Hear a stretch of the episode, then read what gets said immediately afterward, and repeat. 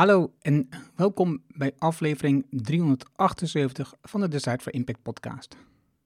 Waar je leert van ondernemers en ondernemende mensen die bijzondere resultaten bereiken, welke besluiten genomen om hier te komen, wat ze doen, de strategie en hoe ze klanten krijgen. Mijn naam is Erno Hanning en ik deel mijn opgedane kennis, ervaringen en expertise met jou. Ik coach ondernemers zodat ze besluiten nemen om hun impact te groeien. Vandaag het gesprek met Danielle Hirsch. Danielle is milieu- en ontwikkelingseconoom. Ze verhuisde op 20-jarige leeftijd naar de sloppenwijken van Mexico, waar ze aan de lijve ondervond hoe onze economische realiteit heel anders is dan de theorie van de universiteit. In de jaren 90 werkte Danielle als internationaal consultant voor lokale overheden in landen als Chili, de Centraal-Aziatische Republieken en Bangladesh, maar ook voor de VN en Wereldbank en Nederlandse provincies. Ze is directeur van milieu- en mensenrechtenorganisatie Both Ends, lid van de ABN AMRO Sustainability Advisory Board, fellow van het Donela Meadows Sustainability Institute en maakt deel uit van de Nederlandse delegatie naar de Europese Groene Partij. Het was een super interessant gesprek met Danielle. Ik heb veel geleerd en ik denk ook dat jij hier veel kunt uithalen. Laten we beginnen. Welkom bij Decide for Impact, de podcast waarin je leert van ondernemers en experts die een positieve, duurzame bijdrage leveren aan mens en omgeving. Met persoonlijke verhalen die je helpen om impactbesluiten te nemen voor jullie bedrijf. Dan nu, jouw business coach, Engel Halling. Welkom in de nieuwe podcastaflevering. Dit keer spreek ik met Danielle Hirsch. Welkom Danielle. Dank je. Leuk om hier te zijn. Ja, en we hadden al een voorgesprek gehad. Ik had je eigenlijk omdat je directeur bent van Both Ends. En in dit geval Both Ends uh, gaat over dus het hier en daar. En het daar is um, in mijn optiek vooral het, groot, het zuidelijk halfrond. En ik herinner me het gesprek, en dan, dan ik pak even de inleiding. Ik herinner me het gesprek wat ik had met um, Elaine C. En zij is bezig met uh, micro financiering, maar ook nadenken over microverzekering en microhypotheken en dat soort dingen op, op plekken waar, waar de grote banken niet zijn. Mm-hmm. En zij waar het over impact maken en waar het over de, de, de terugdringen van sociale en ecologische ongelijkheid. Dat is waar ik mee bezig ben. En zij had het over hier en daar. En toen dacht ik, vond ik, ik vond dat een fantastische toevoeging. Daarom dat both ends sprak me daar ook gelijk aan, die gedachtegang. Ja. Omdat het dus aan beide kanten gaat. Leg eens uit, wat doet Both Ends? Ends, wij werken om uh, de uh, milieubewegingen in het, wat wij noemen het mondiale zuiden te versterken. En het zuiden is niet alleen het zuidelijke halfrond. Er liggen natuurlijk heel veel landen op het noordelijke halfrond die ook te kampen hebben met laten we zeggen, de afhankelijkheden die gecreëerd zijn in de, in, tijdens de kolonisatie. En wij kijken dus naar al die landen die in de mondiale economie tot nu toe aan het kortste eind trekken omdat we nog steeds de regels die we 500 jaar geleden met z'n allen uh, hebben opgelegd aan een hele grote groep mensen in de wereld, uh, aan het implementeren zijn. En daar hebben ongelooflijk veel mensen last van. Bout Ens is dan opgericht om uh, de milieubeweging in dat mondiale zuiden, waar je dus ook aan kan denken aan landen in Oost-Europa, in, in veel landen in Azië die op het noordelijke halfrond liggen, om die milieubeweging daar te versterken, zodat zij zich uh, kunnen verzetten tegen de gevolgen van, uh, van al die economische beslissingen die wij onder andere hier nemen. Uh, maar ook omdat wij zien dat er in, juist daar in de milieubeweging, in de marges van ons blikveld eigenlijk, juist ook de nieuwe economie aan het ontstaan is die we keihard nodig hebben om te zorgen dat we een duurzame toekomst hebben. En dat doet Boot Ens. En daarbij kijken we dus uh, zowel hier als daar. Uh, als wij hier niet iets veranderen, dan zijn mensen daar tegen de klippen op aan het protesteren en aan het innoveren. Omdat met onze beslissingen wij heel veel negatieve impact hebben. En we kijken ook naar, dat zeggen we ook wel eens, naar het nu en naar het later. Want het later heeft dan veel te maken natuurlijk met de kwaliteit van, uh, van de planeet, met van ecosystemen. En de generaties die er nu nog niet zijn, terwijl die later op deze aarde zullen leven, die hebben, uh, ja, daar maken wij eigenlijk uh, het leven nu al onmogelijk voor. Dus we kijken naar het hier en nu en naar het daar en later. Ik had gisteren te kijken, een kort stukje, want het was me te laat, dus maar ik denk ik ga, er, ik ga dan terugkijken verder naar um, tegenlicht. En het ging over Afrika, ik weet niet precies welke landen, maar er was een jonge dame en, dat, dat, en wat zij zei uh, sprak me enorm aan. Zij had het over dat toekomst, het pensioen van een groot deel van de wereld en het inkomen van een groot deel van de wereld wordt straks gemaakt in Afrika. Mhm. En als wij willen, als westerse rijke wereld, dat wij voor onszelf en voor de toekomstige generaties een toekomst willen, dan is het belangrijk dat wij dat soort landen in Afrika, die samenwerking, de grote Afrika, ondersteunen. Hoe, zie jij dat? Zie jij ook dat, dat, want je had het net over, dat eh, als, als wij een beslissing nemen, dat zij dan tegen hun marges in protesteren en, en hard werken. Maar zie jij dat, dat die gebieden de toekomst ook weer voor ons zijn? Zonder dat we ze, zonder we ze uitbuiten, voor duidelijkheid. Hè? Ja, kijk, uh, zeker voor een land als Nederland. Wij zijn natuurlijk een, een heel klein land met een hele grote economie. En uh, die economie is zo groot omdat we ook een handelsland zijn. Uh, dus ons, eigenlijk is onze rijkdom uh, voor een heel groot deel te danken aan het feit dat wij al 500 jaar met landen als Afrika, met landen in Afrika, maar ook in Azië en Latijns-Amerika handel drijven. Uh, dus voor een open economie, een klein land als Nederland, is onze welvaart altijd al bepaald geweest door uh, wat wij, de, de, handelsrelatie die wij hebben met een hele grote groep landen in de wereld.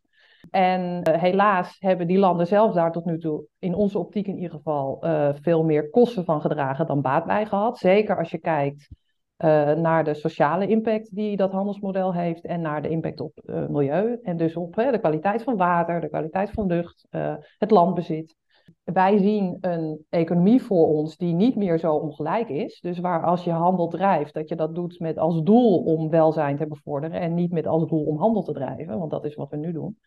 En wij denken ook dat als je overal ter wereld uh, het welzijn uh, groter kan maken, dat daar ook op wereldniveau, dus wij ook, wij daar veel baat bij zullen hebben. Maar dat vergt wel dat we accepteren dat we een andere positie krijgen en ook een, uh, zelf een ander welvaart, dus een andere manier krijgen om economie te bedrijven. Dus ik, ik, ik snap haar, ik snap een beetje wat ze zegt. Ik, ik denk alleen dat we moeten opletten dat in een toekomstig model wij de gelijkwaardigheid van die internationale relaties veel beter voor ogen moeten hebben. Om ervoor te zorgen dat zowel, nou wat zei het dan over, Afrika, landen in Afrika, als wij zelf een duurzame toekomst hebben. Dus ik weet, ik, ik ken de context van die tegenlicht uitzending ook verder niet. Dus, nee, ik moet zeggen dat ik ook een klein deel gezien, dus ik, ik weet het niet, maar ik, ik vond die uitspraak heel bijzonder. Ik denk, oh ja, ik, ga, ik wil dit wel even verder onderzoeken en ik ben benieuwd hoe dat zit. Nou, wat, wat heel belangrijk is, want uh, Nederland is nu ook weer bezig met het schrijven van wat we dan noemen een Afrika-strategie.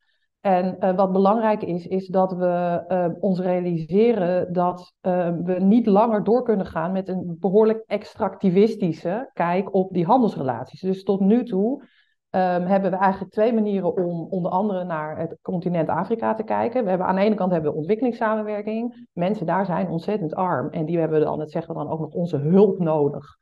Uh, om, uh, uit, uh, om een antwoord te geven op de hongercrisis of op, op antwoord te geven op de effecten van klimaatverandering, op droogtes. Dus wij gaan helpen. En aan, ik zeg dat ook, ik zeg bewust helpen met een wat ironische ondertoon. Omdat aan de andere kant, als je naar de handelsrelaties kijkt die Nederland in stand houdt, wij zelf vaak de oorzaak zijn van die honger, of mede-oorzaak in ieder geval. We hebben natuurlijk een grote klimaatafdruk omdat wij uh, het, het meest vruchtbare land willen gebruiken voor exportlandbouw, hebben heel veel mensen geen voedselzekerheid. Kunnen ze uh, gaan ecosystemen zover uh, kapot dat ze niet meer goed de klappen van klimaatverandering kunnen opvangen. Dus we hebben een, dat, uh, we hebben een heel duaal, een hele dubbele relatie met Afrika. Aan de ene kant zeggen we dat we willen helpen. En aan de andere kant zijn wij niet bereid om de oorzaken van de ellende die we daar soms zien aan te pakken. En die oorzaken liggen bij onszelf. dus ik, ik weet niet wat zij zegt daarover. Maar ik weet wel dat het een valkuil is om te denken dat alle economische ontwikkeling altijd goed voor Afrika is. Ik herinner me de masterclass van GroenLinks. Um, die had ik bekeken, die video. Dat is een korte video. Ik zal in de show notes die link opnemen. Dan kun je zelf kijken als luisteraar. En wat je daarin zei, het, we, we, subsidiëren de fossiele brandstof, um, de fossiele industrie, met 8 miljard op jaarbasis wat is dat, 20, 20 miljoen geloof ik per dag of zoiets ergens. Uh, was zoiets. Ja. Het, is een, het is een getal wat op dit moment veel wordt gebruikt. Ja. En daarvan gaat 1,2 miljard uit mijn hoofd, even wat je zei, naar het zuidelijk, het zuidelijk deel. En tegelijkertijd gaan we dat dan met hulp uh, vanuit de overheid. Hè, dus minister Rutte die zegt dan, ja, je moet er dan daarmee stoppen. Of je moet, hè, we moeten stoppen met dat ding. En we, gaan, we geven jullie geld. En dat is dan 600 miljoen. Dus we, dus we hebben een negatieve rekening van 600 miljoen voor dat land. Hè? Dus we Ja, halen Ja, er eerst 1,2 ja. miljard uit en dan, en, dan, en dan stoppen we er 600 miljoen in. Dus het is nog steeds negatief. Ten, goed, ten gunste van Nederland. Ja, het is even goed om, de, om eh, het beeld heel duidelijk te krijgen. Nederland, eh, dat hebben trouwens alle landen, dus daar is Nederland niet uniek in. Nederland heeft een aantal eh, financiële instrumenten om bedrijven te steunen die exporteren. Wat logisch is, want hè, die handelseconomie is belangrijk voor onze hele economie. Dus wij willen dat Nederlandse bedrijven het goed doen.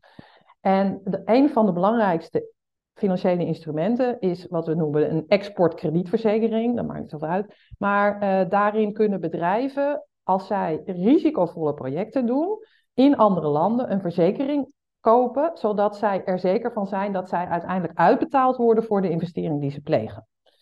En, uh, dat, en wij hebben gekeken naar uh, uh, hoeveel geld er van verzekerd wordt. Dus het is niet puur een subsidie. Dus bedrijven krijgen geen geld per se. Um, hoeveel daarvan naar fossiele projecten gaat. Dus dan moet je denken aan hele grote LNG-terminals of pijpleidingen aanleggen voor olie of gas. Of de aanleg van een haven die de verwerking van, voor de verwerking van olie. En uh, nou, ons onderzoek wees uit dat het grootste deel van de uh, exportverzekeringen voor energie gaat naar fossiele projecten. Dus daarmee leggen we uh, landen in het mondiale zuiden, leggen wij fossiele infrastructuur aan waar ze nog 40 jaar mee aan de slag gaan. En wij weten allemaal dat fossiel in de toekomst eigenlijk er niet meer zou moeten zijn. Uh, dus uh, uh, omdat het grote uitstoot heeft. En tegelijkertijd investeren we dus bijna niet in een energie die duurzaam is in die landen. Dus dat is, dat is de ene kant van het verhaal. Dus wij produceren heel veel uitstoot via de bedrijven die wij steunen. En aan de andere kant helpen wij, opnieuw geldt hiervoor dus de helpen tussen, tussen aanhalingstekens. Uh, zeggen wij, oké, er zijn landen in het mondiale zuiden die heel erg te kampen gaan hebben met de effecten van klimaatverandering. Een van die effecten is zeespiegelstijging, een ander effect is meer overstromingen. En Nederland is zo goed in het aanleggen van water- en kustwerken die juist beschermen tegen, uh, tegen die overstroming. En, uh, en Rutte en anderen, daar is dus een prachtige, ja, een heel instituut voor opgericht. Wij gaan dus de wereld rond om onze hulp aan die landen aan te bieden, maar daar moet natuurlijk wel voor betaald worden. Dat is dus ook een economisch model. Wij gaan onze bedrijven, hè, we hebben ook ingenieursbedrijven die daar baat bij hebben, maar ook grote constructiebedrijven. Uh, en daarvan, en om dat al een beetje uh, vlot te trekken, nee, maar, en tegelijkertijd stoppen wij dan onder het mom van hulp 600 miljoen in een Green Climate Fund. Uh, waar die landen al die opdrachten van uit kunnen betalen. Dus het is een, uh, als, je, als je heel erg cynisch bent, wat ik uh, soms wel ben, ook weer nadat ik zie hoe het op de kop is gegaan, denk ik dat voor Nederland klimaat een businessmodel is. Dus aan de ene kant veroorzaken we dat en aan de andere kant verdienen we geld met het opvangen van de effecten ervan. Ja, ik, zie jou in je gezicht helemaal betrekken. Van, of je snapt er niks van, of je denkt, oh my god, ik wil het ook eigenlijk niet weten. Nou ja, ik wil het wel weten. En, en ik, ik, zit, ik, zat, uh, ik zit op dit moment een boek te lezen en ik heb het bijna uit van oh. uh, Er is leven naar de groei van Paul Schendeling, heet hij. Dus zie je continu dit soort verhalen voorbij komen. Dus we hebben het idee dat groene groei uh, de oplossing is voor heel veel problemen. Nou, dit klinkt voor mij ook zoiets als groene groei, weet je wel. Je, je, je, je zegt, we willen je helpen en dan geef je je geld en dan houden we daarmee, het is echt het is gewoon rondpompen van geld waar, uh, waar uiteindelijk het land zelf niet beter... Het is hetzelfde als je zegt, oké, okay, we hebben hier kippen en we, we, wij willen alleen een bepaald deel van die kippen en de rest van de kip die dumpen we in Afrika, zodat ja. die boer daar zelf ook geen kippenboerderij mee kunnen starten. Ja, ja. Uh, of kleding, hè, fast fashion. We hebben hier fast fashion. We denken dat we, de, als we, we doen er goed aan door het in een container te stoppen voor recycling. En het gaat gewoon naar Polen. En, en 9% of zo geloof ik is niet bruikbaar en het gaat naar Afrika en wordt daar op een, op een hoop gestort. het is, ten eerste worden die kleding daar vaak, niet per se daar, maar in die landen geproduceerd. Onder nou, niet de beste omstandigheden, anders hadden we het hier wel gedaan. En dan geven ze ook weer de ellende terug. Hè. Hier heb je de rotzooi, mag je ook nog een keer in de slag wat je doet. Ja, ik, ik, ik word daar niet vrolijk van, dat ik me dan Nee, nou en, en, en het is natuurlijk, uh, ik word er ook niet vrolijk van. Ik, word er, ik ben ook bezorgd dat we het dan alleen maar over groen hebben. Hè? Dus we zeggen dan groene groei, maar kijk, de, de, de uit, je zegt het zelf in het kledingvoorbeeld. We hebben niet alleen niets aan groene groei. Stel dat het je wel zou lukken om via technologie uh, minder impact op de natuur te hebben. Hè? Want daar zijn natuurlijk ook allerlei theorieën over hoe dat zou kunnen. Uh, maar als je niet samen met mensen en met, op een rechtvaardige manier, met respect voor mensenrechten ontwikkelt, dan is het net zo erg als dat iets niet groen is. En, wij, en dat is een andere zorg die wij ook in Nederland hebben. Het is o zo makkelijk om vooral over groen te praten, omdat dat niet vergt dat er een andere machtsverdeling komt of een andere, recht, een andere blik op de rechten van werknemers komt, of de andere blik komt op de rechten van vissers en mensen die in het bos wonen. Dus het hele probleem dat we het überhaupt alleen over groen hebben, en groene groei, um, is eigenlijk al het failliet van de discussie. Want zodra je mensen uit de equation, uit er niet mee in meeneemt, kan je eigenlijk ook op je vingers natellen dat het niet gaat werken. Um, en als je op het moment dat je mensen mee gaat nemen, krijg je dus ook een hele andere kijk op groei. Want groei voor ons is iets heel anders dan groei voor uh, een textielmedewerker in Bangladesh. Of een boer in, uh, in, in, uh, in de Amazonegebieden, of waar dan ook. Uh, door mensen mee te nemen heb je ook kans om een hele andere blik te krijgen op onze toekomst. En dan zal groei er sowieso anders uitzien. Ja, en dit boek gaat dus over postgroei in principe. Hè? Dus, dus zij, hebben, zij hebben een aantal stellingen waar we kijken, oké, hoe, hoe kijken we voorbij de groei? En dus juist, hè, zij, zij tonen aan, groene groei werkt niet. Want op het moment dat we groen groeien met technologie, dat betekent eigenlijk dat we nog harder groeien en dus meer problemen veroorzaken. Dus, de, dus we, we, een beetje um, wat vaak gebeurt. Hè? Dus, dus, een televisie bijvoorbeeld, die wat zuiniger. Wat doen we dan? Dan gaan we een lamp om de televisie in maken, zodat je mooie effecten krijgt op de muur en daardoor de televisie. En dan elektrische auto, precies hetzelfde. We hebben elektrische auto worden steeds zwaarder, waardoor dus het verbruik groter wordt. En het is allemaal hetzelfde. Dus het enige wat we doen als organisatie, vooral bedrijven natuurlijk, is denken hoe kunnen we zelf meer winst maken. En dan niet nadenken wat is daarvan exact het effect op nou, andere plekken op de wereld. Hè? Dus en mag ik een vraag stellen over dat boek? Want uh, ik ben zelf econoom, dus ik snap uh, de discussie. Um, en ik ben ook ooit uh, uit de collegebank opgestaan omdat, en weggegaan omdat, naar een ander land, omdat ik dacht, dit is allemaal, klinkt allemaal superleuk hè, op papier. Het is allemaal heel clean. Het zijn argumenten met feiten, et cetera. Maar het, de wereld is natuurlijk niet clean. De, de, wereld is niet gebaseerd op ratio wat er gebeurt. Tenminste, ik zie om mij heen heel veel dingen waarvan ik denk, ja, dit is lijkt een, of tenminste, ik snap de ratio erachter niet, want er zal ongetwijfeld een ratio zijn. Dus mijn vraag is: gaat het boek ook over machtsverhoudingen, belangentegenstellingen, groeiende verzet vanuit sociale bewegingen? Eh, het, het, het, het, gaat het daar ook over? Of, of blijft het hangen binnen een toch behoorlijk beperkt kader, wat mij betreft, van een behoorlijk neoliberale kijk op hoe een economie functioneert? Nee, volgens mij niet. Dat ik, er, ik ben geen econoom. Maar wat ik eruit leer uit het boek is dat de stelling die zij doen is onder andere een heffing doen op consumptieproducten. Waardoor je een betere verdeling krijgt van de uitgaven, omdat je de consumptie belast, het niet arbeid bijvoorbeeld. Mhm. En daarnaast dus de belasting op arbeid, dat zijn de twee belangrijkste um, stellingen die zij nemen. Als we dat doen, verandert er enorm veel. En daarbij kijken ze ook naar sociale ongelijkheid in Nederland, ook buiten Nederland, de zorg, de natuur, uh, op heel veel vlakken kijken ze wat het effect wat we aan het doen zijn. En aan het einde geven ze twee of drie opties om in slag te gaan. En dat is eh, voor de burger, voor de politiek en NGO's en voor bedrijven. Hoe ze daarmee in de slag kunnen gaan met postgroei, gedachten, omdat natuurlijk wij zo geïndoctrineerd zijn dat groei belangrijk is voor het behoud van BNP of voor het behoud van onze welvaart of voor de toekomst van onze kinderen, is dat die gedachte, die moet natuurlijk enorm worden losgeweekt, dat dat, dat, dat niet zaligmakend is en ook niet de oplossing is voor de toekomst. En dus, dus nee, het boek gaat wel in, daar veel verder. Het is een hele collectief van schrijvers waar Paul zeg maar de samenvattende auteur is.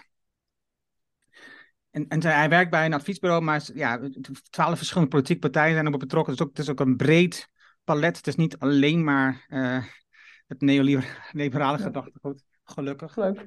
Ja. Nou, wie weet. En, ik maar eens een keer gaan lezen. Hey, nou, ik, het is net een nieuw boek, dus we hebben het oh, voor de boekenkaas gaan we het lezen. En ik heb ook voor volgende week maandag een afspraak met hem staan om ook over het boek met hem te praten en over de, de dingen die hij doet. Dus ik ben ook zeer benieuwd naar zijn kant. Jij hebt het heel bewust een paar keer genoemd in jouw bewoording. Ik zie het ook in je tekst die je schrijft. Je hebt het over een open economie. Je zei ik ben econoom. Wat, wat betekent een open economie? Uh, een open economie betekent dat wij een, een relatief groot deel van ons, van, onze, eh, van ons inkomen of van onze rijkdom komt van buiten onze grenzen. Een open economie kan je ook zeggen als een handelseconomie. Nederland is een van de grootste handelaren ter wereld in landbouwproducten. En dat betekent dat we zowel veel importeren als veel exporteren.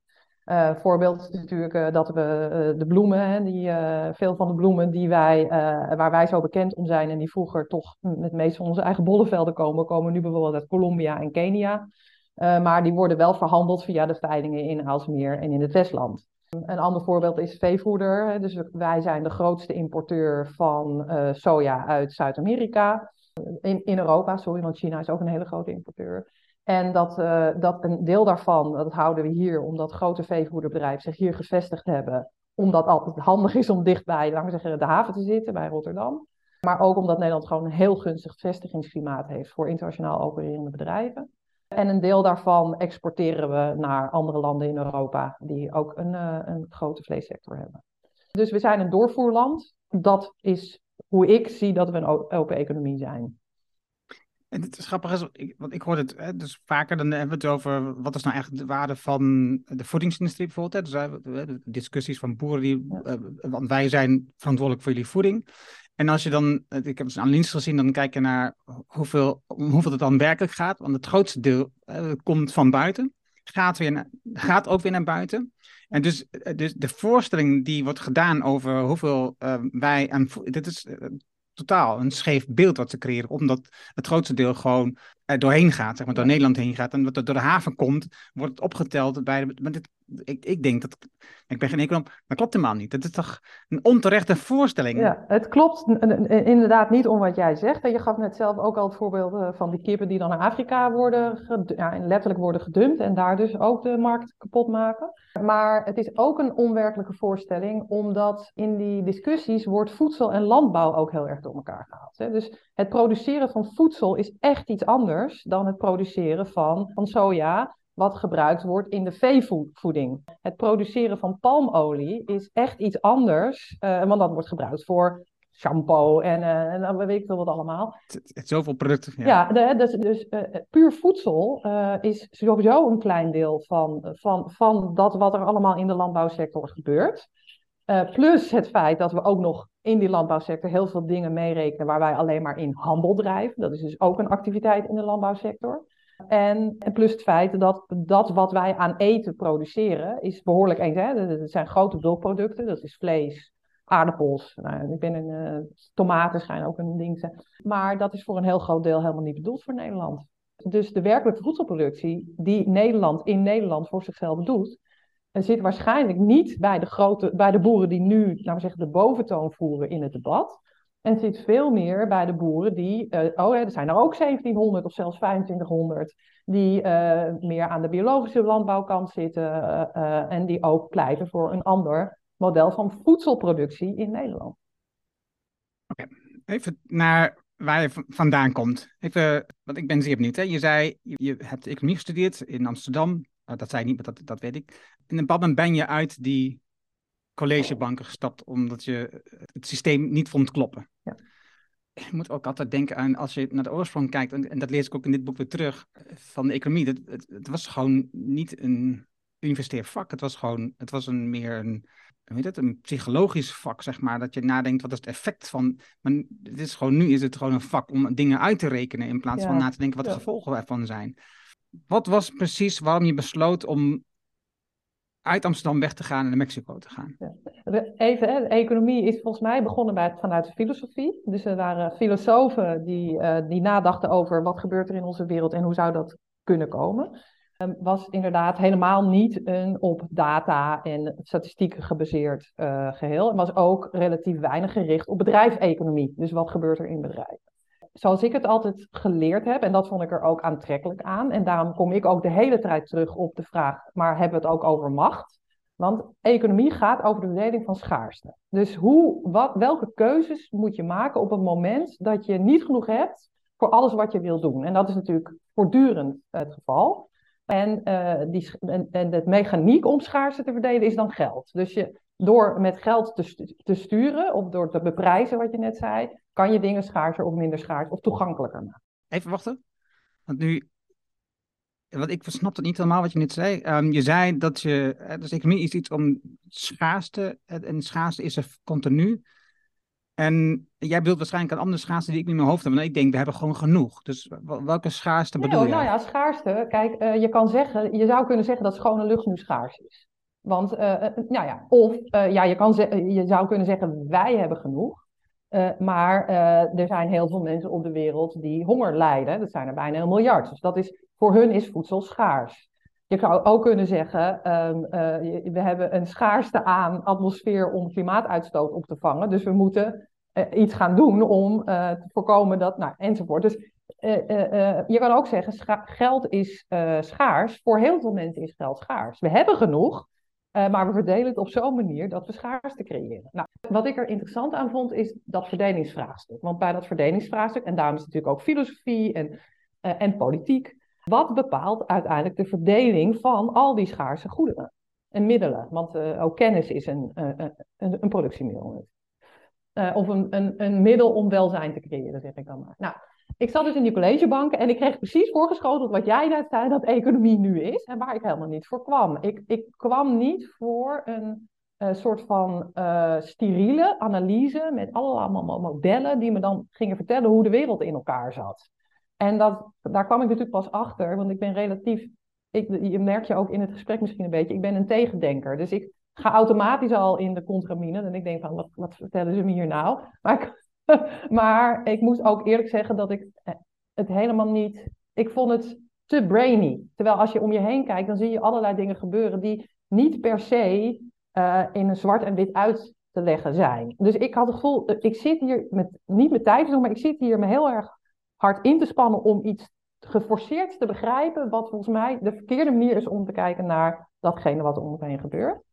En, uh, en ik moet eerlijk zeggen, dat had ik op die manier, kon ik, had dat in negen, nooit op deze manier onder woorden kunnen brengen. Dat is achteraf natuurlijk, want je maakt, iedereen maakt zijn eigen verhaal, aldoende, uh, al gaande weg. Uh, maar ik had dus een ongemakkelijk gevoel en ik was ook ja, gewoon te nieuwsgierig volgens mij. Om, dus ik ben, gaan, ik, ik ben weggegaan. Ik zou naar China gaan met een vriend van mij die in China zou gaan studeren.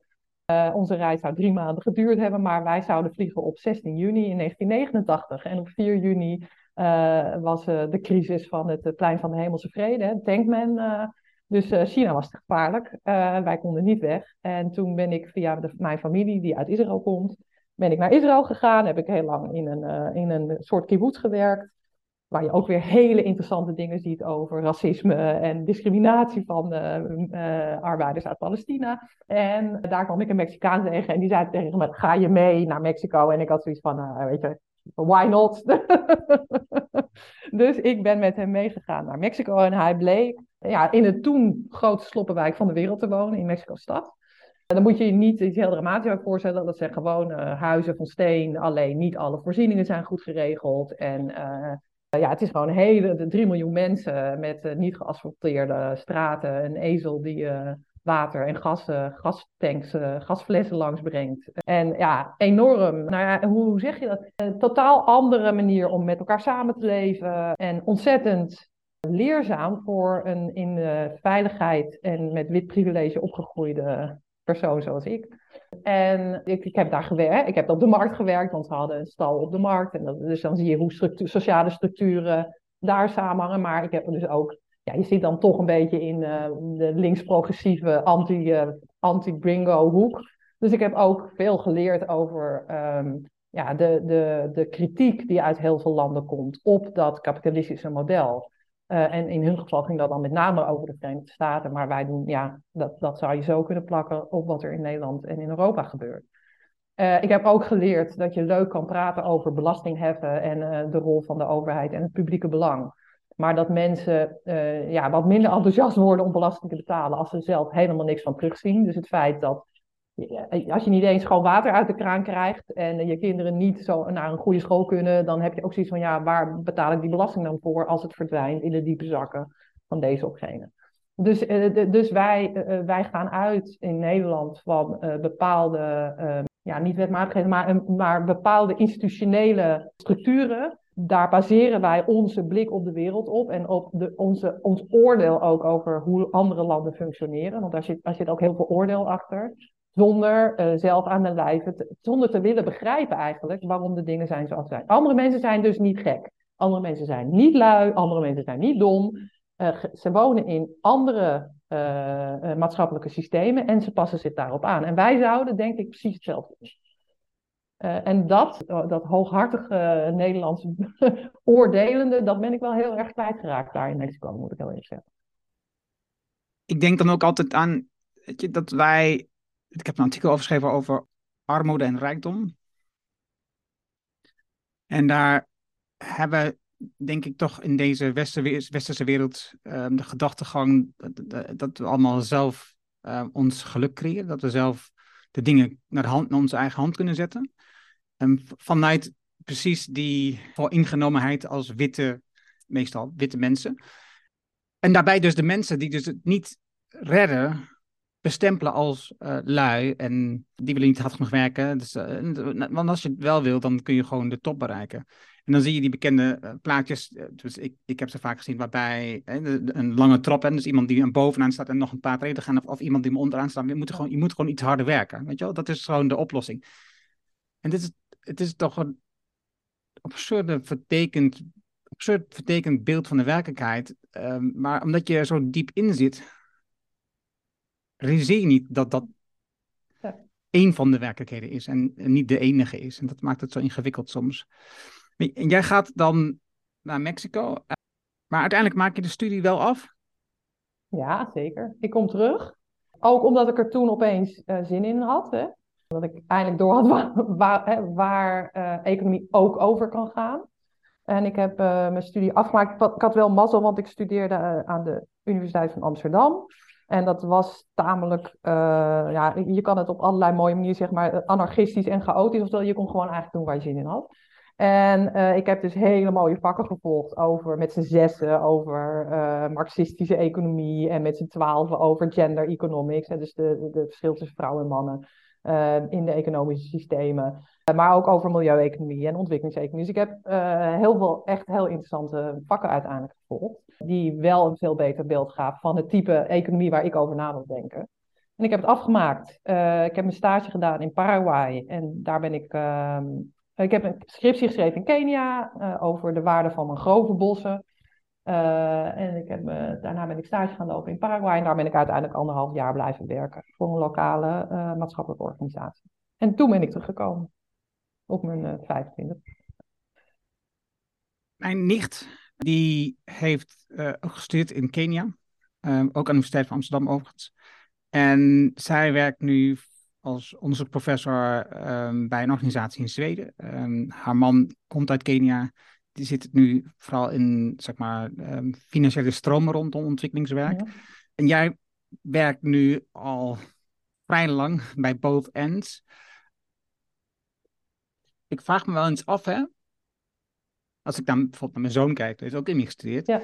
Waarom gaat niet, als je het echte plaatje ziet van de economie, en ik ga ervan uit dat je toch wel een beeld, enigszins een beeld krijgt tijdens je studie daarvan, uh, dat je, waarom niet alle economen die kant op gaan? Om na te kijken van hoe kunnen we eigenlijk de wereld verbeteren door meer die machtsstructuren en die ongelijkheid te veranderen. Want het is toch absurd dat 10% eh, van de mensen op de wereld het grootste deel van, van het vermogen bezitten. Of niet alleen dat, ook nog zelfs de grootste uitstoters en uh, veroorzakers van uh, milieuverontreiniging, al dat dingen zijn, energieverbruik en materiaalverbruik zijn.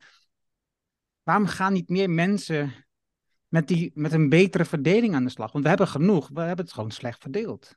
Ja, nou, dus, dus kijk, ik kan, uh, ja, volgens mij kan je zoon beter een antwoord geven op die vraag dan ik. Eens. En ik zou ook zeker bij hem toetsen of uh, uh, dat nu binnen de, ja, eigenlijk als je economie gaat studeren, standaard onderdeel is van het vakkenpakket. Ik durf de stelling aan dat dat niet zo is. Ik geef ook gastcolleges en dan ben ik echt soms de eerste die het over dit soort dingen heeft. Vanuit het perspectief van de rol van Nederland. Kijk, we kunnen wat er vaak gebeurt, en dat is niet alleen bij de economiestudie, maar dat is ook bij landbouw. Bij landbouw kan je dezelfde vraag stellen, heel Wageningen. dezelfde vraag kan je in Delft stellen. Dus, uh, of bij Nijrode. Ik bedoel, er zijn heel veel mensen die, die zich ontwikkelen um, op vakken die met verdeling te maken hebben. En ik ben vaak de eerste bij de economiestudie die dit echt in perspectief zet. Dus niet alleen zegt het is ongelijk verdeeld, maar daar ook bij zegt, en wij zijn de 10%, hè, dus wij of zelfs de 1% van de wereld. Het gaat over ons, wij moeten dingen veranderen. Want als wij dingen veranderen, dan zal het een ongelooflijke impact hebben op heel veel mensen waar we nu nog het, ja, ik zeg dan maar even hard, het leven zuur van maken. Dus A, ik denk niet dat dat een uh, gesprek is wat op dit moment op universiteiten wordt gevoerd. En uh, ik denk ook dat, en, ook daar geldt weer privilege voor. Kijk, ik heb de mazzel gehad dat ik, en dat is echt mazzel geweest, dat ik op het goede moment een arbeidsmarkt opkwam waardoor ik het werk kon doen wat past bij mijn overtuiging. En uh, ik denk niet dat dat voor heel veel mensen is weggelegd. Je moet, ja, laten we eerlijk zijn, je, ik weet niet of je zo'n al kinderen heeft, maar de, je wil ook een toekomst hebben. En zeker als je bij, en dat is, daar ben ik ook vaak over in gesprek met mensen die in grote organisaties werken. Nederland is eigenlijk best wel veel grote overheidsinstituties, banken, grote bedrijven. En daar zitten natuurlijk ongelooflijk veel mensen die zich hier zorgen over maken. Maar die voelen zich allemaal enorm alleen. En die um, op het moment dat, en dat, dat, daar, dat is een, denk ik een terechte angst, op het moment dat je vanuit je invloed die je in zo'n bedrijf zou kunnen, of in zo'n overheid zou kunnen uitvoeren, uh, uitoefenen, op het moment dat je dat gaat doen, loop je een enorm risico voor je carrière, uh, voor je baan. wij zijn in Nederland zo gewend geraakt aan het idee dat we het als individu maar gewoon moeten oplossen, dat we het denk ik kwijt zijn om überhaupt op zoek te gaan naar gelijkgestemden. En om ons te gaan organiseren en om ons te laten horen. En het kan wel, je zag het vorige week, dat vond ik echt, ja, ik ben, was daar heel erg blij mee, dat echt top-economen uit Nederland. Dat zijn ook mensen waar ik les van gehad heb, mensen die, die politieke functies hebben bekleed, die nu op allerlei universiteiten zitten. Uh, eh, 250 top-economen uit Nederland uh, deden in het Financieel Dagblad een oproep aan de Nederlandse overheid om te stoppen met fossiele subsidies. Nou, dat kunnen hadden ze in een eentje waarschijnlijk niet gekund. Uh, maar op het moment dat ze een front vormen, uh, moet er iets mee gedaan worden. En zijn ze ook op individueel niveau veel minder kwetsbaar. Maar dan moet je dus wel iemand hebben die het organiseert. Dan moet je mensen hebben die in veiligheid op dit idee kunnen doorpraten. Nou, en ik denk dat dat voor heel veel mensen gewoon niet weggelegd is op dit moment. Dus mijn, en daar komt natuurlijk ook de hoop vandaan. Ik spreek ontzettend veel mensen die zich hier zorgen over maken. Uh, alleen die zichzelf een beetje klemgereden voelen, omdat ze het gevoel hebben dat ze er niks aan kunnen doen. Ja, ik snap het. Ik hoor wat je zegt. En tegelijkertijd, ik, en ik, ik voel ook de dubbeling voor duidelijkheid. En tegelijkertijd voel ik ook en zie ik ook de, de kansen. En dus als ik kijk naar hoe nu jongeren zich, met name jongeren, maar er zitten ook oude mensen bij, eh, met Extinction Rebellion bijvoorbeeld organiseren en actie nemen. Ik zat de podcast te luisteren van Sander Heijnen, um, waar hij het heeft over de ommekeer, um, de grote ommekeer. En waar uh, een van die afleveringen had, heeft, heeft die, eh, actievoerders die um, Schiphol gingen toen, uh, actievoerder wisten nog niet toen ze begonnen, maar hoe je dan die mensen hoort, hoe ze gezamenlijk, dat start vanuit een, een onmacht, gevoel dat je teleurgesteld bent in hoe de wereld functioneert. En, en, en uiteindelijk voelt de enige manier wat je kunt doen is actie ondernemen. Dat je iets doet. Want dat, dat zorgt in ieder geval voor een beter gevoel. Dat je niet dieper in de put raakt, zeg maar. En, dus, en, en anderen opzoekt. En dus, dus ik ben um, lid geworden van Extinction Rebellion, van, van, van een um, groep. En niet dat ik actie voer nog. Hè. Het, het zijn ingewikkelde stappen. Um, maar ik wil wel het voelen. Ik wil wel um, het zien. En ik ben bezig met IDG. Um, het is een Inner Development Goals. Een initiatief om ja, meer na te denken over hoe kun je als mens ontwikkelen. Vooral, zo zie ik het, vooral om na te denken over die grote vraagstukken. Over die transities waar we mee bezig zijn. dat je als mens ontwikkelt op dat vlak. Hè? Dus ik lees veel, ik praat veel, ik heb dit soort podcasts om te laten zien dat het anders kan. Dat het wel mogelijk is, weet je. Dus ik zie ook heel veel dingen die hoop geven. En tegelijkertijd zijn er dingen die niet goed gaan. Zo immens groot. Dat je ook wel eens denkt, eh, het, het gaat nooit lukken, weet je Ja. wel. Ja, ja. Want jij hebt op een bepaald moment gezegd, ik ga ook vanuit de macht en de politiek wat doen. Je bent lid geworden van GroenLinks, of je bent in ieder geval eh, op, de, op de lijst van GroenLinks gekomen. Wat, wat was je motivatie? Wat wil je realiseren? Eh, dus ehm, even, kijk, ik krijg heel veel energie wat jij beschrijft over Extinction Rebellion en ook over jezelf. Dat wij werken dus met eh, ja, duizenden mensen over de hele wereld die dit al decennia lang doen. Hè? Dus die zich eh, op allerlei manieren, want je kan je, lichaam, je kan, je, je kan een straat blokkeren, je kan rechtszaken voeren, je kan aan tafel gaan zitten om te zorgen dat dingen van. Dus er zijn heel veel manieren om je invloed uit te oefenen. En Ehm, dat is ook eh, de enige manier. Denken over invloed is ook de enige manier om weg te komen uit die, uit die frustratie van in mijn eentje kan ik het niet, maar ik maak me wel enorm veel zorgen over wat er in de wereld gebeurt. Dus dan moet je na gaan denken over hoe oefen ik op mijn manier invloed uit. Nou, en dat is meteen een antwoord op je vraag waarom ik mij eh, kandidaat had gesteld voor GroenLinks. Ik was al heel lang lid hoor. Ik was al zeker sinds, nou, zeker twintig jaar lid. En ik vind GroenLinks, ja, niet om reclame te maken, maar ik vind het een partij, hè, groen en rood, en eh, tegelijkertijd eh, bereid om bestuurlijke verantwoordelijkheid te nemen. Eh, wat ik nodig vind, ik snap dat politiek compromissen sluiten is, maar je moet wel, ja, als jij niet op de stoel van de macht gaat zitten, dan doet iemand anders het. Dus je kan maar beter zorgen dat je erbij bent. Dan, dan heb je in ieder geval nog de mogelijkheid om je invloed te doen gelden. En eh, ik werd gevraagd of ik me kandidaat wilde stellen. En ik heb eh, trainingen gedaan over wat het betekent om Kamerlid te zijn. En weet ik veel wat allemaal. Nou, dat leek me gewoon enorm leuk. En, en ook weer een hele interessante plek om je invloed uit te oefenen. Eh, dus dat was eigenlijk de motivatie. Ja. Dus niet de, niet, niet de hele diepe gedachte achter van iets anders dan dat. Ja. Ja, diep genoeg denk ik. Ja. Maar uiteindelijk ben je, ben je niet gekozen. Ben je niet in de Kamer. Wat, wa- wat was daar, wat was je gevoel bij en wat waren de volgende stappen? Wat waren de consequenties daarvan voor jou? Eh, kijk, het gevoel wat ik erbij had, en dat, dat gevoel heb ik nog steeds. Ehm, en daar proberen we ook systematisch wat aan te doen. Dus daarom vind ik dit soort podcasts ook eh, heel erg fijn om te doen. Dat Nederland heel erg naar binnen gekeerd is. Dus als je politiek wil bedrijven eh, over de rol van Nederland in de wereld, eh, dan is dat eh, voor politieke partijen gewoon, daar scoor je geen stemmen mee. Hè? Dus eh, daar zijn mensen over het algemeen niet mee bij. Dat is ook waar. Hè? Ik bedoel, hoe frustrerend ik dat verder ook vind, ik accepteer die analyse. Het is dus, ik zie het als onze opdracht, niet alleen van, van mij of als Boot Ens, maar van de mensen met wie we werken en samen optrekken, om eh, heel goed duidelijk te maken dat eh, Nederland een factor van betekenis is in de wereld. Dus we zijn geen klein land als je kijkt eh, naar de mondiale economie. Dat wij ons er bewust van moeten worden dat die invloed negatief is. Dus we hebben een hele grote ecologische voetafdruk en we zorgen voor een hele slechte verdeling van rijkdom. in heel veel landen om ons heen. Dat komt onder andere omdat we belastingparadijs zijn, maar ook dus vanwege dat die grote bulk waar we in handelen. Eh, dat komt ook doordat wij een hele intensieve veehouderij hebben, doordat we heel veel klimaatvervuiling veroorzaken met die handel. Het feit dat Nederland, we moeten ons dat onder ogen gaan zien, zodat we er wat aan kunnen doen. Want hè, dus het, het lonkend perspectief is een Nederland wat juist met die invloed en al die kennis die we hebben, de wereld mooier helpt maken. Ehm, en dat, eh, maar daar heb je dus wel een gesprek nodig over de rol van Nederland in de wereld. En dat is de reden geweest dat ik onder andere, onder, dat, dat, ja, je krijgt gewoon niet heel veel stemmen, maar je komt ook niet heel hoog op politieke lijsten.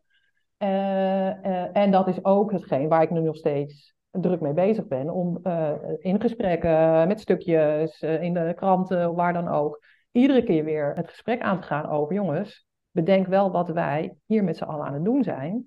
En dat we er zelf waarschijnlijk beter van worden als wij ook dat onder ogen durven zien. Ja, want in die masterclass dat was al mooi om te zien. Hè? Dus je, je zag niet het, eh, het, het, het eerste deel van het programma in, in jouw stuk, in die video. Maar je zag wel dat je eigenlijk ageerde op wat er daarvoor verteld werd en hoe jij vindt dat het zou moeten zijn. Ja. En ik vond het super om te zien eh, dat je dus een land breekt en voor dat het anders moet. Hè? Ondanks dat GroenLinks natuurlijk een vrij, eh, de partij waar ik echt gewoon heel lang op gestemd heb. Ja. Ehm, geen lid ben, maar wel heel lang op gestemd heb. Is, is, ik vind het is een anti-geluid. Hè? Dus, dus zij denken kritisch na over dingen. En ze, ze hebben een anti-geluid. Dat vond ik heel erg belangrijk. Dat vind ik nog steeds belangrijk. Daarom ben ik geswitcht van GroenLinks naar Partij voor de Dieren omdat wij dat betreft net die stap extra nu op dit moment zetten. En nou ja, goed, het is niet zo belangrijk. Maar... Nou, ik ga daar, mag ik daar wat over zeggen? Ik snap die switch. En ik zelf uh, ben ik van drie partijen lid, hè, want je kan, mag van heel veel partijen lid zijn. Ik zou je zeker aanraden om, uh, als je ergens sympathie voor hebt, gewoon lid te worden. Want dat is voor die politieke partijen uh, belangrijk. Het is, dus ook dat is invloed. Hè? Gewoon je ergens achter scharen waar je het voor een groot deel wel mee eens bent. Zeker in verhouding tot wat andere partijen zeggen, want ik denk dat dat ook meetelt. wat ik nog steeds aantrekkelijk vind van GroenLinks, is dat het een partij is die politiek uh, wil bedrijven, hè, dus die bestuurlijke verantwoordelijkheid wil nemen. En ik denk echt dat het ongelooflijk belangrijk is dat we partijen uh, in ons coalitieland, uh, dat er ook partijen in coalities aan durven sluiten waarvan ze weten dat ze compromissen zullen moeten sluiten. Ja. Omdat als we dat niet meer gaan doen, dat we dan eigenlijk gewoon weggeven.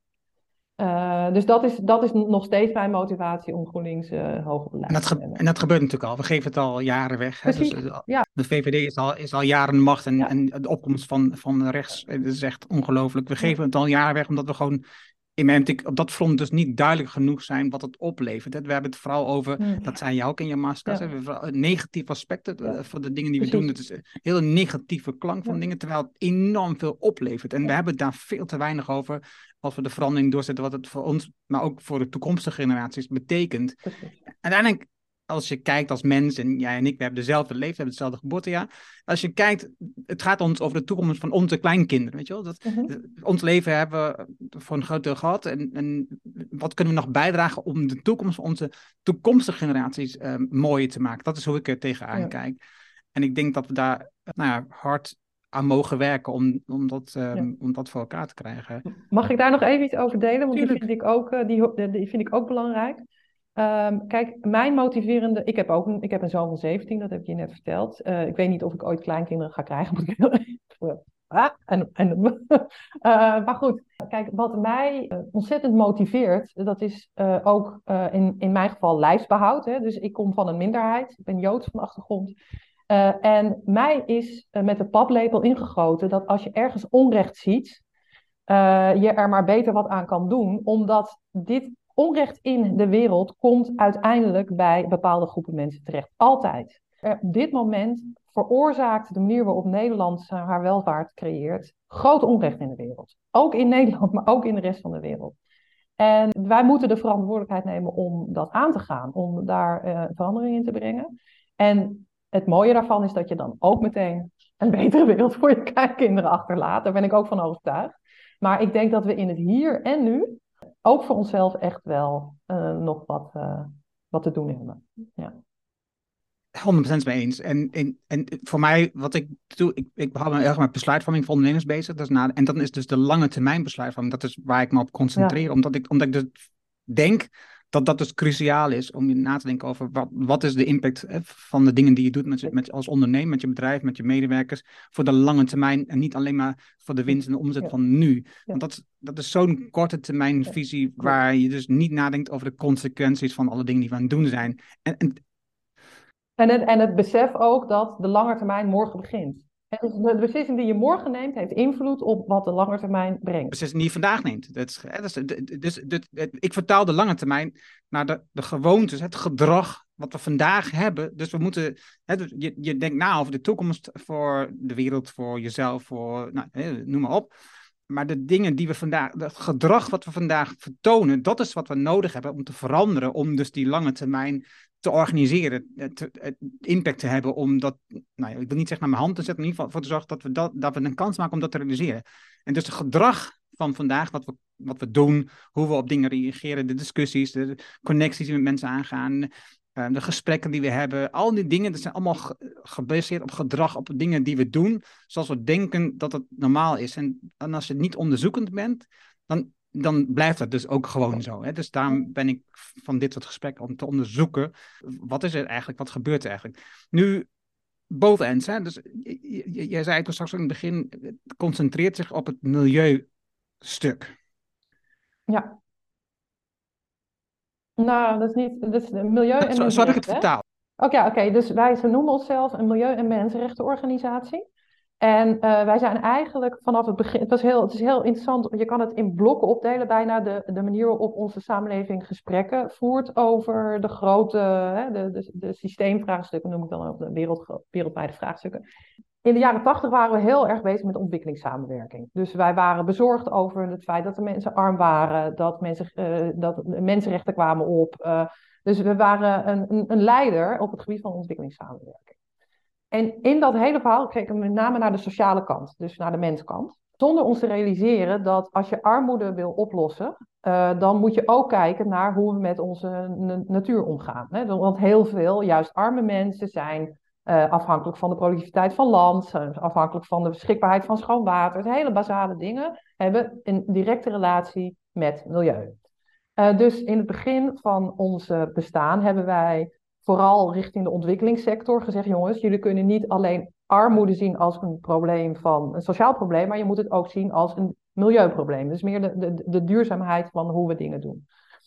Dus we moesten de, de ontwikkelingssamenwerking helpen vergroenen, om maar even zo te zeggen.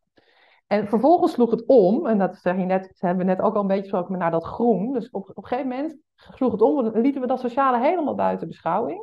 En uh, gaan we opeens vanuit hier bedenken wat groen is en dan, zal, hè, dan gaan we groen doen. gaan wij doen. Dat is allemaal prima. Even vergetend dat in hele grote, bij al dat groen heel veel mensen komen kijken. Want uh, overal wonen mensen, die maken al gebruik van het bos. Die maken al, er zijn vissers. Die, dus als je, als je groen doet zonder sociaal, dan, dan creëer je ook meer problemen dan je oplost. Dus uh, daarom zijn wij een milieu- en mensenrechtenorganisatie, omdat je groen en sociaal niet los van elkaar kan zien. Dat je eigenlijk vraagt om een, een basale verandering in nou, wat jij noemt gedrag, wat ik dan noem in machtsverhoudingen. Uh, omdat uh, dat de enige manier is om op lange termijn op deze planeet met z'n 10 miljarden te leven. Dus daarom milieu- en mensenrechten. Nu, jullie zijn een goed doel. Waar halen jullie de middelen vandaan om al dit werk te doen? Wij, krijgen, wij zijn ooit opgericht uh, eind jaren 80 door de Nederlandse overheid. Het ministerie van, dat, toen hadden we nog een ministerie van Milieu, VROM heette dat. En die hadden een internationale afdeling.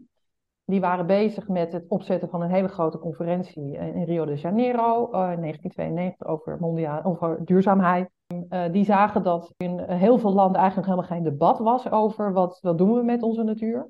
Wat doen we? Wat, wat is duurzaam voor ons? En de analyse was dat debat ontbreekt omdat de maatschappelijke organisaties die zich hiermee bezighouden te zwak staan. Dus ze, hebben te weinig middelen, ze kennen elkaar niet. En toen zijn ze eigenlijk een project gestart om met als opdracht versterk de milieubeweging in het mondiale zuiden. Dus wij zijn gestart met geld van het ministerie van FOM. En hebben al, dus altijd een, een, aanzienlijk deel van ons budget is vanuit de Nederlandse overheid gekomen. Nu komt dat uh, uit het ministerie van Buitenlandse Zaken, ongeveer de helft van ons budget. En daarnaast krijgen we financiering uh, uit Nederland, hè, dus uh, de Postcode Loterij, DOB College. Er zijn een aantal grote stichtingen in Nederland die ons financieren. En we krijgen steeds meer financiering ook uit andere landen, uit Denemarken, uit het Verenigde Staten. En die financiering uh, is deels gericht op ons werk in Nederland, maar is ook deels gericht op. Wij, hebben, uh, op, wij zijn ook een doorgeefluik. Hè? Dus we zijn geen donor naar een organisatie in zuiden, maar wij hebben structuren helpen creëren, waardoor mensen daar zelf kunnen beslissen over wat ze met geld willen doen. En de, met name uit de Verenigde Staten is er heel veel interesse in dat model, omdat uh, daar het gesprek over wie beslist eigenlijk over geld die vraag wordt ook, moet ook gesteld worden in de ontwikkelingssamenwerking, dat die al veel verder gevorderd is dan hier. Dus ze zien ons dat model wat wij hebben neergezet, wat we onder andere samen met uh, de vrouwenbeweging doen, vinden ze heel interessant. Dus we krijgen ook heel veel geld dat we vervolgens voor een groot deel weer doorslaan. Want de hulp zit vooral in kennis. Zeg ik dat dan? Nou, dus, oké, okay, dan is de vraag van wat is onze rol in het internationale netwerk van milieuorganisaties? Want zo zie ik het graag. En onze rol is eigenlijk, oké, dus waar zit onze toegevoegde waarde? Nou, onze toegevoegde waarde zit onder andere op het feit dat, omdat wij een Nederlandse organisatie zijn, met een, nou, we hebben een gebouw en we hebben een financiële administratie en we hebben ISO-keurmerken, we, doen, we hebben alles op orde, zal ik maar zeggen. Dus wij kunnen veel geld aantrekken. Wij zijn een goede fondsenwerver voor dat netwerk. Dus dat is één. Uh, het tweede die we hebben is omdat wij in Nederland zitten en zelf ja, niet de hele dag de straat op moeten omdat ons huis omgebuldoosd wordt voor de aandacht van een haven, zal ik maar zeggen. hebben wij ook veel tijd om een overzicht te hebben over wat er in de wereld speelt. En kunnen wij organisaties die eigenlijk met hetzelfde bezig zijn aan elkaar, met elkaar verbinden. En kunnen wij ook zorgen dat die netwerken gefaciliteerd worden, zodat ze zelf een strategie kunnen uit, cetera, et cetera. Dus we zijn een verbinder binnen die milieubeweging. En als laatste, omdat we in Nederland zitten en omdat Nederland zo een interessante rol speelt uh, in de mondiale economie en dus in het duurzaamheidsvraagstuk, zijn wij eigenlijk ook, ja, dat, mag je eigenlijk, dat vinden sommige mensen een vies woord, maar laat ik het maar omarmen, een lobbyist uh, richting de Nederlandse overheid, dus politiek en ministeries, op het gebied van het brede buitenlandbeleid noemen wij dat dan. En dat is dus heel expliciet niet ontwikkelingssamenwerking, maar dat is het handelsbeleid, uh, het handels- en investeringsbeleid, de financiële uh, regels, maar ook het landbouwbeleid en de manier, hè, water, uh, de haven. Dus wij, wij proberen om de publieke sector zo te beïnvloeden dat zij de wissels omzetten, zodat er duurzamere handelsrelaties ontstaan. Of internationale relaties ontstaan. Twee dingen nu Even één parkeer, dat is het lobbyverhaal, daar wil ik even, daar kom ja. ik op terug zo meteen. Het andere is, je staat een paar keer in het begin dat je ja, helpen tussen quotes ja. Dus wat, als ik jouw verhaal goed heb gelezen, is vooral van belang dat je het zoveel mogelijk lokaal organiseert en niet geld erheen brengt en, en dingen gaat organiseren. Dus dat, wij, kijk, wij gaan ervan uit, dat komt een beetje terug op wat ik zei over Mexico. Uh, uh, mensen over de hele wereld weten wat er nodig is. Ze weten voor hun, in hun omgeving ook het beste wat er moet gebeuren. Net zoals je, ik bedoel, een Amerikaanse organisatie moet mij niet gaan vertellen hoe ik de Nederlandse overheid moet beïnvloeden. Dat weet je, weet je dat. Of als je hier een voedselbos aanlegt, dan weet je donders goed wat er nodig is. Hoef je niet een of andere expert uit nou noemen ze uit Frankrijk, die heel erg veel over biologische landbouw, die hoeft jou niet te gaan vertellen wat je hier moet doen. Hè? Dus mensen weten wat er in hun omgeving nodig is en hoe ze dat willen doen. Dat, dat is ons uitgangspunt. En um, hoe meer mensen dat samen doen, hoe effectiever elk onderdeel van dat netwerk is. En wij helpen, wij zijn dus net zo afhankelijk van wat een, iemand die protesteert tegen een groot mijnbouwbedrijf in Brazilië doet, als dat zij afhankelijk van ons zijn, omdat wij toevallig geld hebben om dat te ondersteunen. Uh, want zonder dat verhaal uit Brazilië kunnen wij de financiële instellingen die in Nederland geld in dat bedrijf steken niet uitdagen. Uh, want dan is er helemaal geen reden om überhaupt een rel te trappen in Nederland. Dus we, we, zien onszelf als onderdeel van een netwerk waar iedereen zijn steentje bijdraagt aan het zo succesvol mogelijk uitdragen van de agenda en de ambities van dat netwerk. En dat is dus geen hulp, dat is ja, wederzijdse afhankelijkheid. En zo, dat is ook de manier waarop wij denken dat we in de toekomst veel meer uh, ja, voorbij landsgrenzen, voorbij uh, blokken. Het gaat om werk met mensen, met elkaar. En het gaat veel meer over actorschap dan over waar je woont of uh, wat voor opleiding je hebt genoten. Wauw. Ik denk dat dus jullie kennis super waardevol is voor ook veel bedrijven in Nederland om daarmee in slag te gaan, te kijken hoe je, dat, hoe je die rol kunt spelen in plaats van, uh, ja, maakt niet uit, in plaats van wat, in plaats van zoals het nu gaat, laat ik daarop houden. Dat lobbyen, hè, dus, en ik kan hier ook nog wel doorgaan, maar ja. dat lobbyen. Ja, ik had er ook een naar gevoel bij dat woord. En ik, nu ben ik toch wat meer de laatste paar maanden betrokken geraakt bij regionale overheid, bij dit soort projecten. En en dan kom ik het woord lobby vaker tegen vanuit de provincie, vanuit uh, de gemeentes hier in de omgeving. En hoe vervelend het ook eigenlijk is. Ik denk dat het heel belangrijk is dat jullie de rol van lobby op je neemt, omdat de grote organisaties die die miljoenen, miljarden binnenhalen, niets anders doen dan lobbyen. Zodat, en ik herinner me, oh, dat was het verhaal van Paul Barons, die geeft les aan, is hoogleraar geloof ik, aan de Universiteit van Leiden. En uh, hij informeert ook de politiek in, uh, in Londen. En hij had het over dat dus, er dus mensen in politiek zijn die dus niets anders horen dan bijvoorbeeld uh, nucleaire energie en waterenergie, krachtcentrales en het, het, verbranden van biomassa. En dat, dat was het enige wat hij eigenlijk hoorde als alternatieve energie. En alle drie eigenlijk niet zo waar je naartoe wil. en, en dus is het dus van belang dat partijen zoals jullie en ook zo iemand als Paul Berns in, in, in staat wordt gesteld en zichzelf in staat stelt om dat andere geluid, in zijn geval um, de, de, belangrijkste alternatieve bronnen, hè, dus wind en, en uh, zonne-energie, uh, mogelijk te maken. En in jullie geval om na te denken um, over de alternatieven waar we als overheid moeten naar kijken. Hoe, hoe handelen we? Waar komt ons geld vandaan? Waar gaat het naartoe? Hoe, ding, hoe organiseren we? Waar, hoe zit de macht op dat vlak? En dus hoe, hoe rottig dat woord ook is en welk gevoel je bent. Het is, het is onoverkomelijk, denk ik, om dat te organiseren. Omdat de andere partijen die het eigenlijk niet zo goed met de gemeenschap voor hebben, maar vooral met zichzelf, eh, dat ook doen en daar heel veel, heel veel geld in steken. Het was laatst bij een debat over lobby in de Bali. En niet omdat degene die het organiseerde uh, lobby als iets vies zien. Of als iets, nee, ik zie het zelf ook niet als iets vies. Ik zie het als een essentieel onderdeel van het uh, democratisch proces waar we in zitten. Je, er zijn uh, belangen waar je voor op moet komen. En dat is je goed recht. Dat is ook weer die vraag over invloed uitoefenen. Van ja, je, je, je kan gaan zitten miezeren omdat je in je eentje nooit genoeg kan doen om plastic te scheiden. Ik zeg het even, uh, ik zeg het een beetje gekste. Je kan heel erg ongelukkig worden omdat je je zorgen maakt over de grote problemen van de wereld.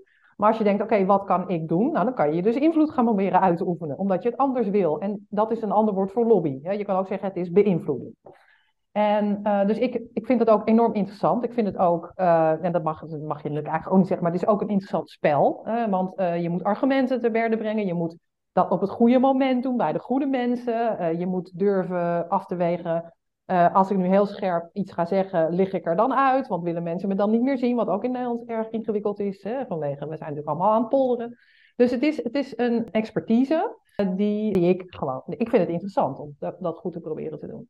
En uh, dus ik zie het ook als onderdeel van ons democratisch proces. En ik uh, hou altijd in mijn achterhoofd iets wat iemand zei. Dat is, hij is een expert, op het gebied van voedsel. Olivier, ik moet het in zijn Frans zeggen, maar Olivier de Schutter.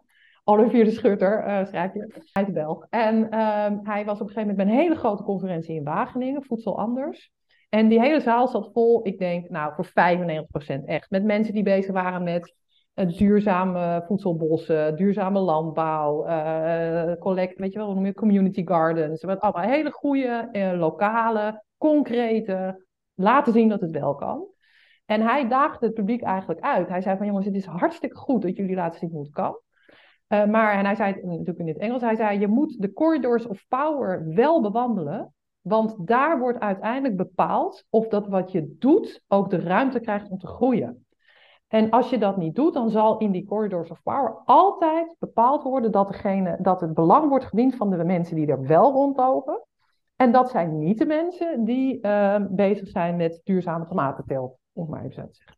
Dus het is ook, um, je kan je niet veroorloven om te ontkennen dat politiek, een complexe maatschappij als die van ons, onderdeel is van het transitieproces.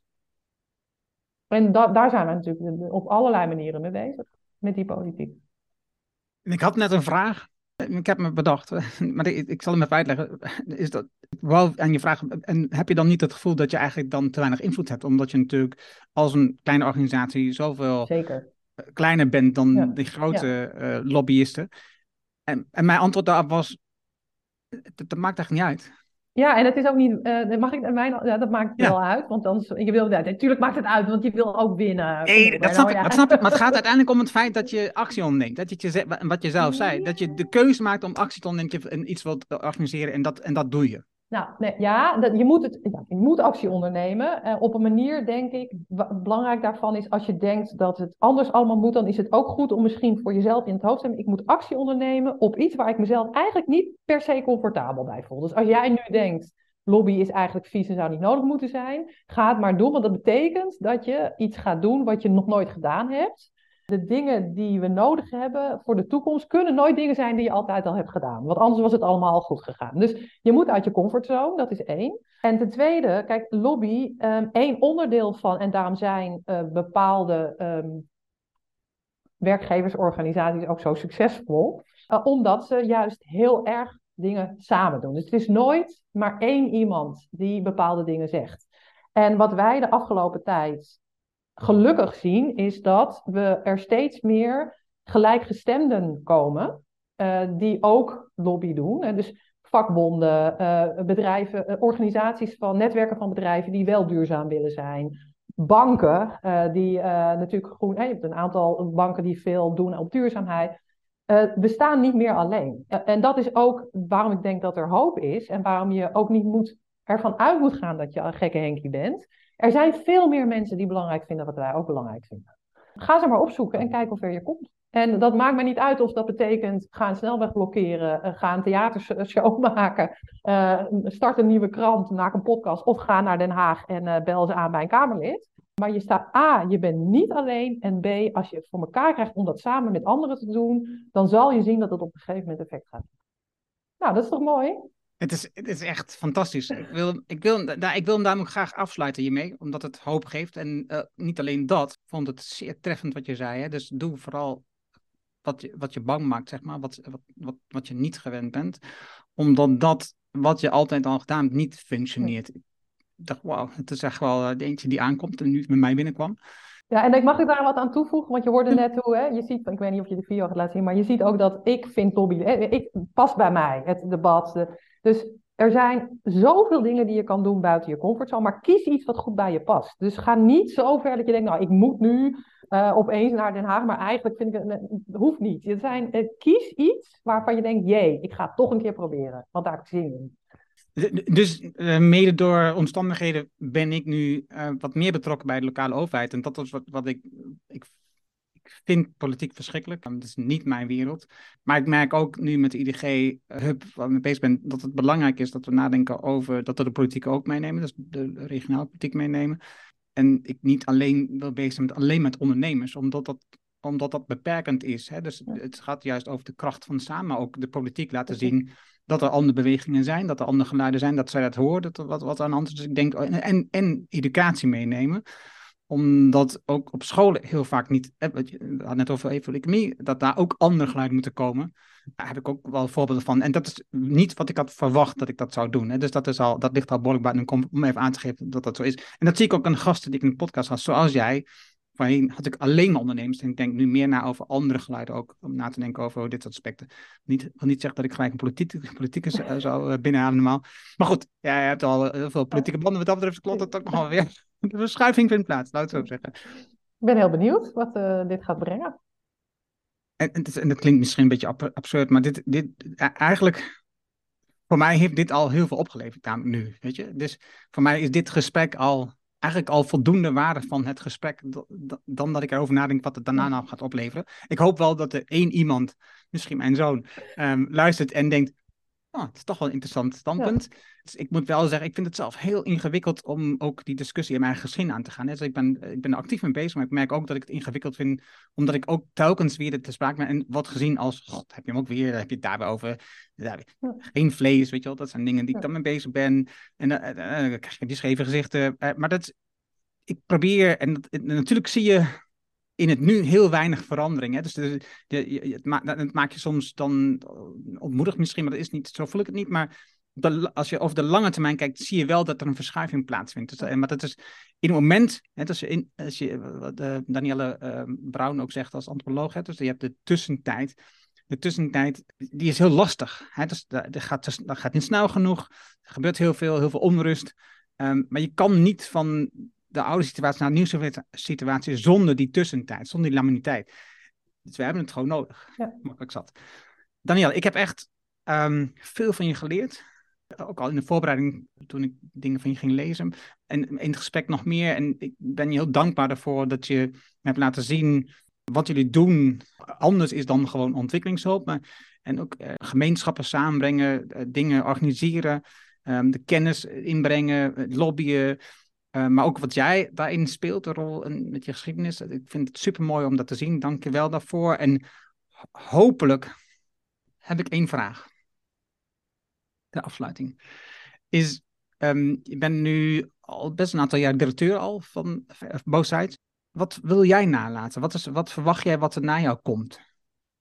Ja, dat is, uh, ik ben ook, uh, ik zit natuurlijk een beetje in de midlife crisis. Jij zegt, we zijn uitgesteld het geboortejaar, dus we zijn ook een beetje bezig aan de derde helft. Hè? Dus wat, wat ga ik de rest van mijn carrière doen? Ik vind dat ongelooflijk moeilijk, onder andere omdat ik mijn huidige werk ontzettend leuk vind.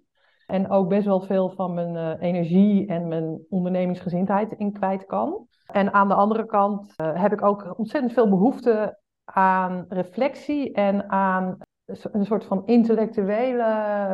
Uh, ja, misschien is het ook een beetje capsones. Maar ik denk dat ik meer moet doen met het delen van hoe ik denk dat de wereld in elkaar zit. En wat we daarmee zouden uh, kunnen doen. En uh, dat is natuurlijk een, een tijdens je carrière ont, lees je veel, je hebt ontzettend veel gesprekken. En op een gegeven moment komt daar een soort rode draad uit. En ik voel ergens behoefte om uh, ergens op, ja, liefst in een heel warm land aan de strand achter mijn scherm te gaan zitten met een hele stapel boeken en het verhaal, zoals ik het zie, een keer echt op te schrijven. En ik weet niet of, ik dat, of dat ook echt is wat ik wil, of dat het heel erg intellectueel is wat ik hier. Hè, dus dat je denkt dat dat het is. Dus ik, zit, ik, heb, ik weet het niet, maar uh, ik ben er wel degelijk over aan het nadenken. Ja. ja. Goeie vraag. Ik wil jou ook bedanken, want jij stelt hele goede vragen. En dat is. Uh, scherpste geest, daar hou ik heel erg van. Dankjewel. Dat was het mooie gesprek met Danielle. Je vindt de namen en links die we noemden in het artikel dat bij deze uitzending hoort. Ga ervoor naar de site voor impact.com slash show 378. Wil je vanzelf automatisch de volgende aflevering van deze podcast op je telefoon ontvangen? Dat kan heel eenvoudig. Heb je een iPhone, dan zit er standaard de Apple Podcast app op. Open deze app, Zoek de site voor Impact Podcast en klik op abonneer. Oh ja, zet ik even een vinkje aan dat je de aflevering wilt ontvangen. Heb je een Android-telefoon, installeer dan eerst bijvoorbeeld de Player FM app. Open deze app, zoek de site voor Impact Podcast en klik op abonneer. Dankjewel hiervoor. Heb je een vraag, opmerking, reactie over deze aflevering met Danielle of over de podcast in het algemeen? Stuur dan een e-mail naar podcast.decideforimpact.com. Ik hoor super graag van jou. Wil je meer impact, meer resultaat, meer effect van je werk en meer effect voor de mensen met wie je werkt? Download dan het whitepaper Winst en Impact met lange termijn besluiten op decideforimpact.com. Dit is mijn nieuwste whitepaper en je downloadt het daarom helemaal gratis. Je hebt zelfs geen e-mailadres nodig. Mijn nieuwste boek is altijd gratis, vraag het daarom nu aan. Je vraagt jouw whitepaper aan op decideforimpact.com. En ik weet, je hebt een volle agenda, je leest het in één avond uit. Dankjewel voor het luisteren en graag tot de volgende. Dankjewel voor het luisteren naar deze aflevering van de Decide for Impact podcast. Ga voor jouw volgende stap naar decideforimpact.com.